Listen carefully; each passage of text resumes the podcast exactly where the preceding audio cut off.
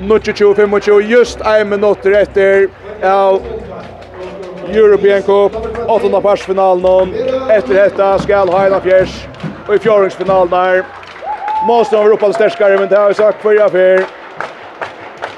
Så reises Høtlen og Holse og vi det Brester til.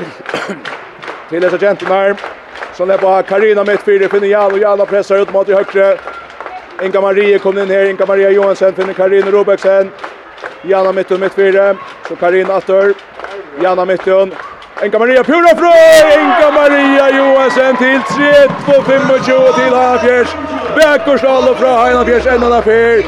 15 sekunder efter. Najsa Nis, Jalo Bjattor. Innan strikna, där fänga väl. Här som får stäcka. 8 sekunder efter i värsta för att häka frukastet.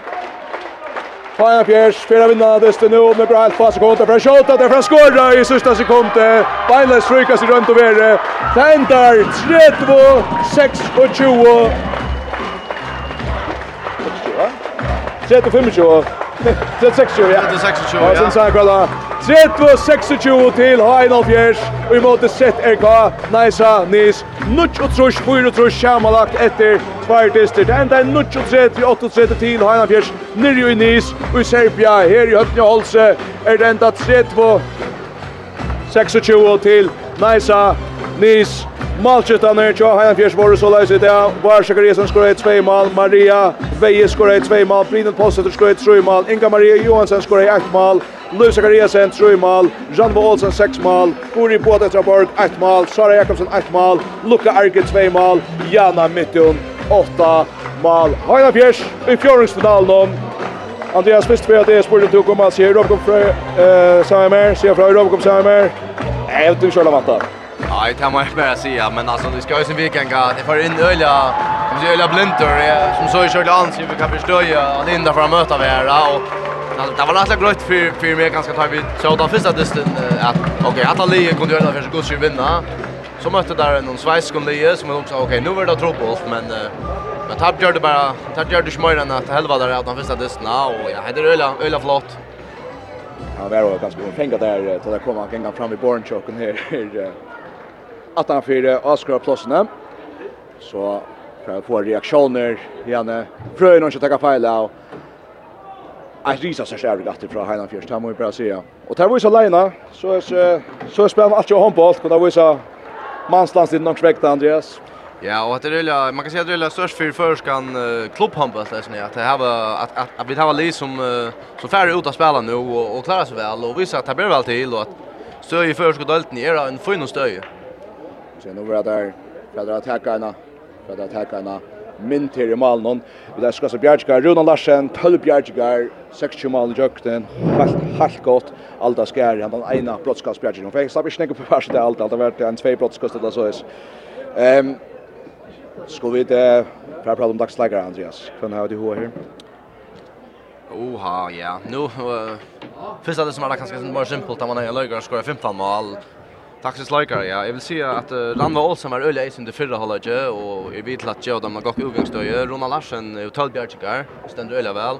Uh, Jørgen halvdaget er Janna Mytton, han som er øyelig eisen og hever... Uh, kan man säga hur hur bäst häpni och jag upp någon så här tror jag går sig här kanske som som stand ut stand ut där men vi vi måste se att uh, Turboran är mycket värre här gör öliga öliga gång för god där snö och få bättre fatter av köttet i det än senast.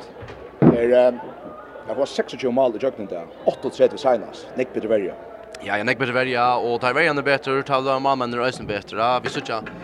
Eh, vi sykja av nekkar stor bjärgen där där från Rom, men vi sykja òsne nekkar bjergingar som här vägen verjan till. vi har ett annat skott högra vänster som skjuter från 0 grader. Till òsne tog jag att vägen lykka som fåra, fåra spelaren till att komma till vanliga chanser, da, och ta til in i glattare som mamma. Ja, Fjärs vinner alltså 3-2, 26 och Heinol Heinolvich vinner som 30-26 av sett RK Nice ni ser ska vi är i Fjordings finalen i EHF European Cup alltså den här tre största har vi då så Kappingen i europeisk handboll Vår som är avrik Vi tar han av FM1 og vekna med Kjolvan og vekna Trøkmund med folk og der spennet hjemme til tog. Her er resten langt og først låt dere trykke her er Ingeborg Olsen som uh, er spalt så vi er vi synlige i Vestmanlandsjøen, i BVF. Det var, ja, ja, det var ett ett ett väl etna kan man säga europeiskt avrik. Jag som inte ganska nämnt. Det är snär det som är ganska mer helstopter än hin. Alltså hade vi nudge till 8 träd ta är det går ju kring som inte inte gänga några väl vi mamman i video och här vinter träd var 26 och och alltså där är det kanske bättre kontroll Det är snarare distan än än, än där hött i Serbia. Alla kan vara värda. Sen distan bilder ölen jag efter fram här. Har en fjärs ganska fair. Tror malare och så för hitli tror malare eller två malare och men lägga som tar få ja ja tar, tar få blocka fyra i vägen kanske snarare örnhållage och tar ju så snett. Ja ja att att vinna distan. jag har sett så lägger nu nu nu ska stå så snägg om kvar måste vara man bara funderat att henne vägen till det så ett ett det som man nästan blir huxa att att han måste vara förstärkt där.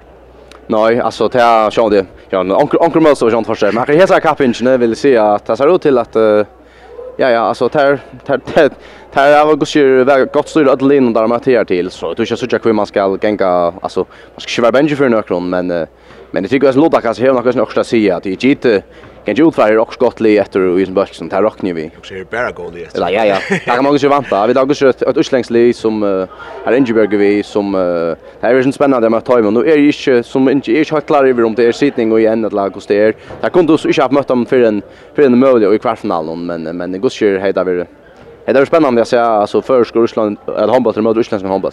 Det är nog öl ja avvärst. Match match vi tar så han vinner alltså en en en affær, vinner seg en en affær vi er her i Europa Cup. Og ta, vi, vi var bare neste før, kjenner Andreas. Vi, vi fikk oss liden helt finalen. Ja, ja, det er vi veldig sånn litt. Vi er ikke her av FM1 og Tråkung og Øtlån.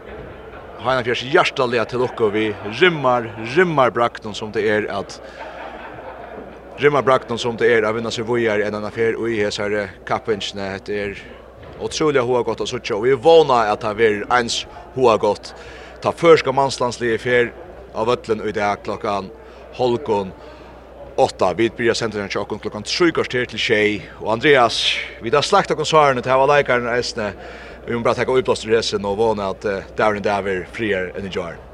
Ja, akkurat. Det var spennende å se hur det första livet lika som kom fyrir seg till Angenevi om Tar ta vel väl att det möta där någon liv som som vant bort ur Lettland i Jar og til Angenevi om at det italienskt liv som kanske inte hugget det första livet och kanske undermätta tar det där. Fast man går ju til till att det första livet Det går ikke ta støy som tar her i Jar men vi så at italiensk liv som alltså spelade otroligt flott han handboll och ja ja och jag vill säga att ja, jag vill säga förra är inte inte far ut till listan kväll så läs så läs som spelar var i Georgia Bound Leon men alltså vi vann det bästa och vann om det kan hemmafjälten Gerard spelarna kan ska få ganska mer chans lite helt än att uh, ganska där för några nerver och trust i Jar. Jag vet jag vet inte vad det är. Gustav kommer bara stäffa att att att det syns Jar var var var inte några war men vi hoppar det bästa där.